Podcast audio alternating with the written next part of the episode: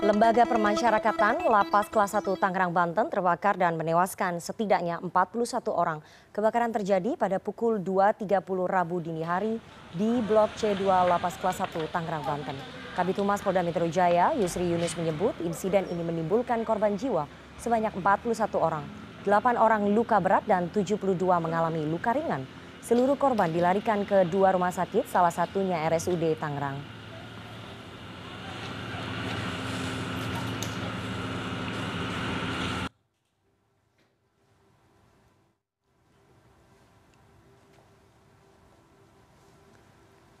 Kebakaran di Lapas Kelas 1 Tangerang Banten menelan 41 korban jiwa dan puluhan lainnya luka-luka. Kebakaran di lembaga permasyarakatan bukan sekali ini terjadi dan dipicu beragam faktor mulai dari over capacity lapas, instalasi listrik yang bermasalah hingga sistem mitigasi resiko bencana yang amburadul. Bagaimana kemudian Kementerian Hukum dan HAM menjawab persoalan berulang ini? Sudah bergabung sore ini melalui sambungan Zoom Menteri Hukum dan HAM Republik Indonesia, Yasona Lauli. Selamat sore Pak Yasona. Selamat sore Nana. Uh, terima kasih atas undangannya. Uh, apa kabar? Alhamdulillah baik Pak. Pertama-tama kami segenap keluarga besar CNN Indonesia mengucapkan turut berduka cita Pak atas peristiwa kebakaran di Lapas Kelas 1 Tangerang Banten. Pak Yasona langsung saja uh, apakah sudah bisa diketahui dari hasil penyelidikan sementara Pak Yasona apa penyebab kebakaran di Lapas Kelas 1 Tangerang? Apakah betul soal korsleting listrik Pak Yasona? Pertama tama melalui eh, cnn indonesia saya eh, kembali mengucapkan rasa suka duka cita yang mendalam atas musibah yang terjadi di lapas kelas 1 Tangerang Banten yang mengakibatkan 41 orang warga binaan pemasyarakatan kita meninggal dunia. Hmm. Dan atas nama Kementerian Hukum dan HAM secara khusus Direktorat Jenderal Pemasyarakatan saya meminta maaf atas kejadian ini kejadian yang tidak kita inginkan ini maaf kepada seluruh keluarga baik yang meninggal dan juga uh, korban uh, luka uh, akibat dari musibah yang terjadi. Uh, saat ini temuan sementara saya tadi ke lapas Tangerang, lapas kelas 1 saya berbicara dengan uh, petugas Polri, Puslapor di sana.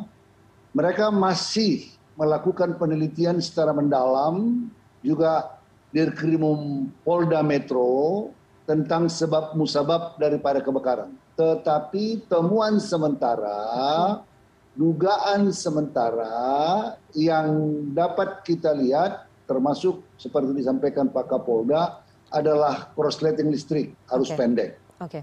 Uh, ini barangkali kita sabar menunggu hasil kita betul betul saya sudah meminta kepada jajaran untuk betul betul objektif dalam soal ini. Kita lihat ya memang harus kamu akui bahwa gedung lapas kelas 1 ini adalah gedung lama yang didirikan tahun 1979. Oke. Okay. 72 ya. Oke, Pak Yasona, Anda mengakui bahwa dugaan sementara adalah uh, akibat korsleting listrik. Informasi yang kami dapatkan uh, instalasi listrik ini tidak direvitalisasi sejak tahun 1972 apakah itu memang betul pak? Kenapa tidak ada evaluasi atas keamanan dan sistem listrik di sana jadi, pak menteri? jadi jadi begini ini kan urusan, urusan teknis yang hmm. uh, selama ini uh, berjalan baik dan kita lihat tentu ada beberapa perbaikan perbaikan instalasi tetapi barangkali tidak menyeluruh. Oke. Saya kira ini menjadi bahan evaluasi bagi kami, bagi lapas-lapas yang tua untuk dilakukan evaluasi. Saya sudah perintahkan Dirjen Pas tadi untuk mengevaluasi lapas-lapas hmm. yang tua, tidak hanya melihat gedungnya tetapi instalasi listriknya.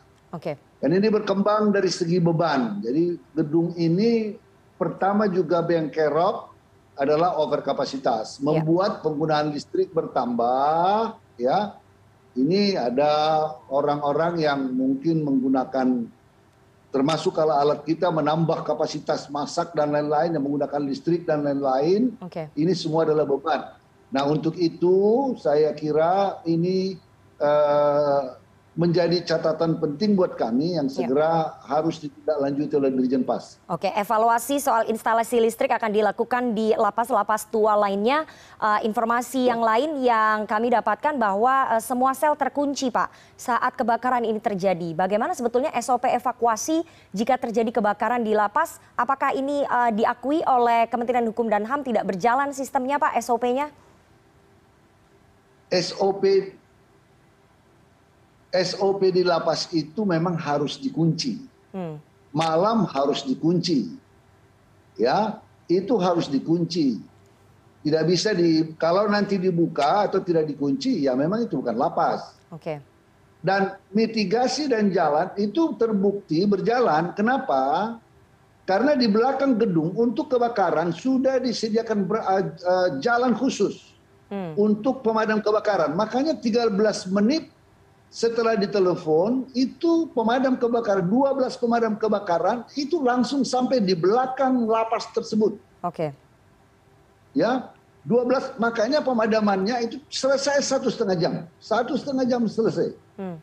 Ya, satu setengah jam. Jadi sebenarnya kalau dari segi eh, itu standar lapas begitu. Standar lapas tidak boleh terlalu banyak pintu-pintu. Ya, yang sistem alarm ada, eh, cek lapangan ada. Jadi sebaik dilihat oleh petugas lapas dari atas, dari pos atas itu, ya bahwa ada api, langsung dia telepon eh, komandan jaga, komandan jaga langsung apa eh, telepon pemadam kebakaran 13 menit. Tetapi kan di bawahnya sudah sudah sempat eh, terjadi apa kebakaran yang hebat. Oke, Eh, kenapa apinya kemudian cepat mem- mem- membesar, Pak? Ini kan gedung lama satu. Satu lagi kan mereka punya matras-matras Hmm. apa ya ini kan semua menjadi eh, matras-matras ini kan bahan-bahan yang mudah terbakar. Pakaian-pakaian mereka ada di dalam bahan-bahan yang mudah terbakar ya.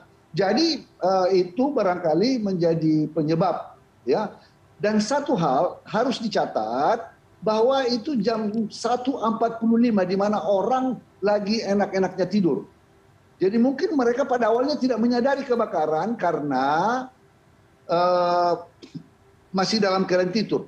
Oke. Untunglah bahwa untunglah bahwa petugas eh, jadi sistem ber- bekerja. Petugas di atas langsung bisa me- me- apa namanya me- mendeteksi Oke. dan segera me- mengambil langkah-langkah. Bu, dibuka pintu utama keluar ada beberapa sel di sana, ada yang beberapa yang sudah sempat dibuka karena api sudah menjalar, tetapi ada beberapa eh, yang belum sempat karena api sudah menjalar Oke. hebat. Petugas tidak sanggup lagi untuk membuka karena juga akan membahayakan keselamatannya. Oke. Nah ini persoalan kita. Oke. Kita juga menggunakan pemadam-pemadam kebakaran, alat-alat pemadam kebakaran kita, tapi sudah tidak mampu. Oke, petugas tidak sempat membuka beberapa sel yang mengakibatkan 41 warga binaan ini meninggal dunia. Eh, over capacity lapas yang mencapai 400 persen yang eh, Bapak sudah sebutkan ini tampaknya tidak sepadan Pak dengan petugas penjaga lapas yang hanya 182 orang sehingga mereka tidak punya waktu untuk membuka sel-sel tersebut, menyulitkan proses evakuasi. Itu diakui Pak oleh Kemenkumham? Jadi begini, ini keadaan ini masih lebih baik daripada tiga tahun yang lalu. Tiga tahun yang lalu saya menerima 14.500 petugas lapas. 14.500. Itu pun sekarang kalau kita evaluasi dari over kapasitas masih perbandingannya belum seperti standar. Oke. Namun itu sudah cukup. eh, jadi memang personil dan over kapasitas. Kalau over kapasitas harus penambahan personil. Tetapi kan ini menyangkut anggaran. Itu sebabnya saya mengatakan hulunya yang harus dikoreksi. Apa itu? Narkotika. Biang kerok over kapasitas di lapas kami adalah Hmm. over kapasitas karena warga binaan, narapidana, narkotika. Selalu saya katakan sangat aneh sekali satu jenis crime yaitu kejahatan narkotika mendominasi lebih dari 50% isi lapas Oke. ya. Padahal ada jenis kejahatan, pembunuhan, pencurian, korupsi, penganiayaan, perkosaan, semuanya itu digabung masih Oke. kalah dengan narkotika. Artinya Berarti something wrong. Ya, oke. Artinya eh, Bapak mempersoalkan soal anggaran yang tidak ada dan juga sistem pemidanaan kita yang kemudian uh, lebih banyak menitik beratkan nah. kepada hukum pidana, hukum pidana penjara begitu Pak Yasona. Nah itu yang saya katakan, benar. Artinya kalau pemakai dari dulu perdebatan ini kan uh, harus kita ulangi kembali. Hmm. Saya sudah tiga tahun berturut-turut mengajukan rencana undang-undang narkotika dalam prolegnas. Belum selesai karena apa? Masih ada perbedaan pendapat di internal pemerintah tentang itu. Nah saya sudah laporkan tadi ke Pak Menko, juga tadi saya ditelepon Bapak Presiden, saya jelaskan okay. juga masalah. Ya kenapa?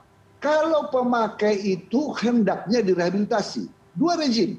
Apakah pemakai kita, jadi waktu saya ke Belanda, saya tanya Menteri Kehakiman Belanda, termasuk uh, kepala lapas yang ada di sana, kenapa di sini soal narkotika ini uh, tidak apa masalah. Jadi saya katakan, ya, mereka mengatakan, kamu mendekati persoalan pemakai dari segi aspek kesehatan atau dari segi aspek pemindanaan. Kita kan masih aspek pemindanaan yang dilihat. Okay. Memakai salah, padahal ketergantungan. Nah, kalau kita menggunakan dari perspektif paradigma kesehatan, dia harus dirawat. Oke, okay, okay, supaya baik, baik. Oke. Gitu. Pak Jadi, perintah ini... Pak Presiden apa Pak? Tadi pada saat Bapak melaporkan, uh, Bapak mengatakan bahwa Presiden memberikan perhatian khusus. Perintahnya apa Pak atas kejadian ya, kebakaran ya, lapas termasuk, ini? Ya, termasuk mengapa itu terjadi soal santunan over kapasitas, ya hmm. soal permintaan uh, maaf, ya ini ini memang uh, tadi memang saya sudah sampaikan juga di Tangerang, ya. Saya tadi bertemu dengan dua keluarga di sana menyatakan permintaan maaf, ya Eh, menyatakan rasa duka yang mendalam kepada mereka. Kami bertanggung jawab untuk pemulasaran jenazah, okay. pemakaman jenazah. Mengurus semua identifikasi dan termasuk di dalamnya uh, santunan.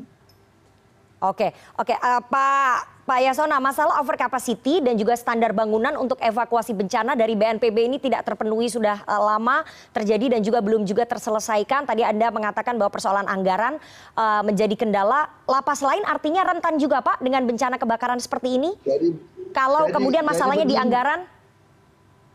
Jadi begini, kalau lapas itu di dunia formatnya hampir sama-sama begitu juga, kecuali hmm. soal soal kemewahannya. Beberapa negara maju tentunya lebih apa?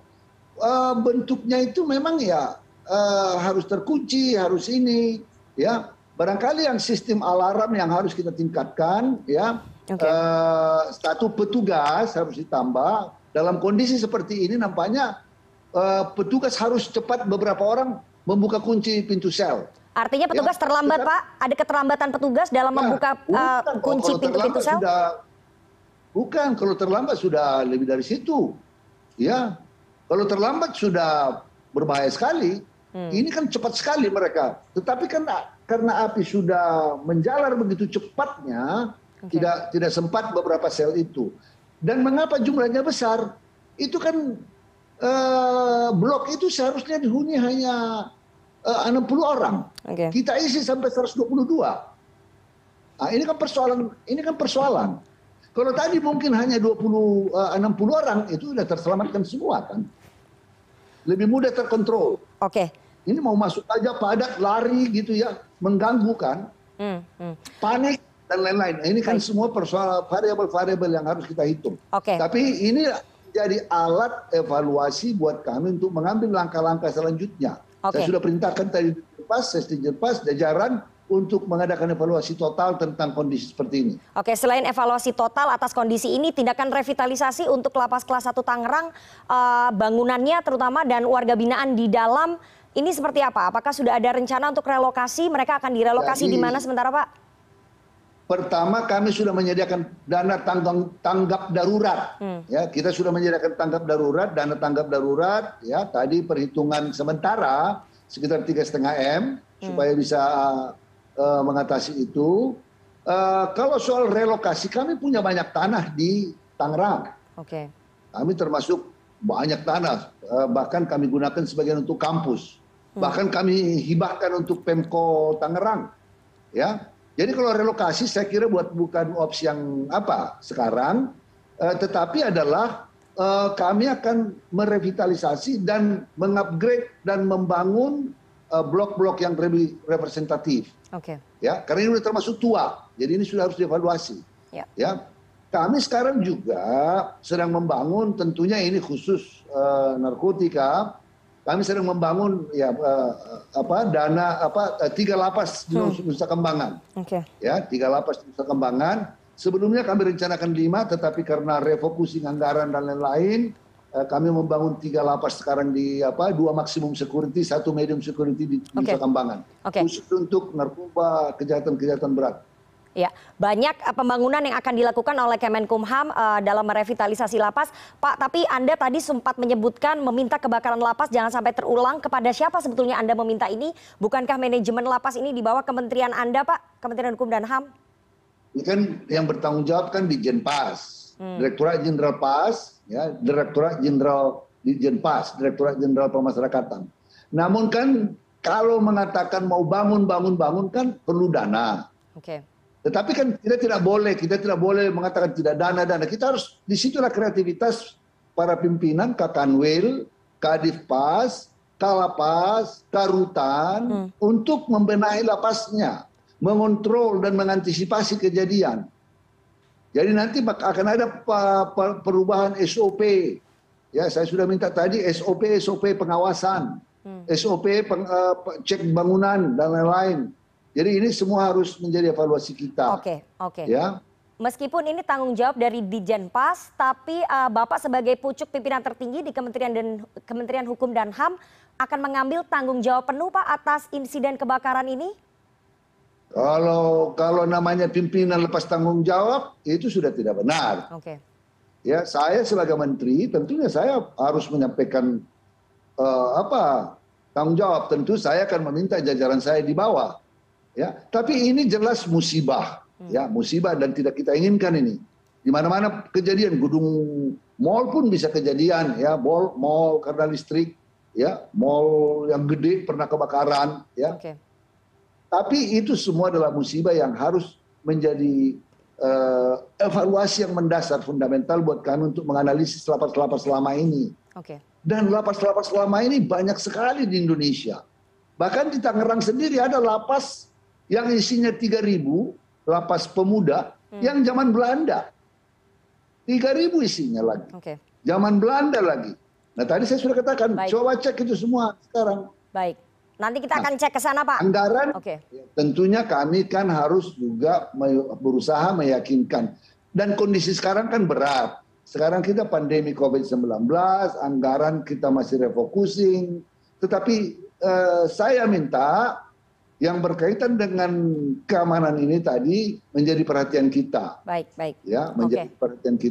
Oke, semoga tidak ada lagi musibah kebakaran ataupun musibah lainnya yang menimpa para warga binaan di lapas-lapas yang dikelola oleh uh, Kementerian Hukum dan HAM. Terima kasih sekali atas waktunya. Saya tahu Anda banyak uh, akan uh, berkomunikasi, mengurusi jenazah warga binaan itu dan juga bertemu dengan keluarga. Terima kasih sekali Menteri Hukum dan HAM Republik Indonesia Yasona Lauli atas waktunya kepada CNN Indonesia Newsroom sore hari ini. Sehat selalu Pak Yasona. Terima kasih Nana atas kesempatan ini. Sehat selalu. Ya, stay healthy.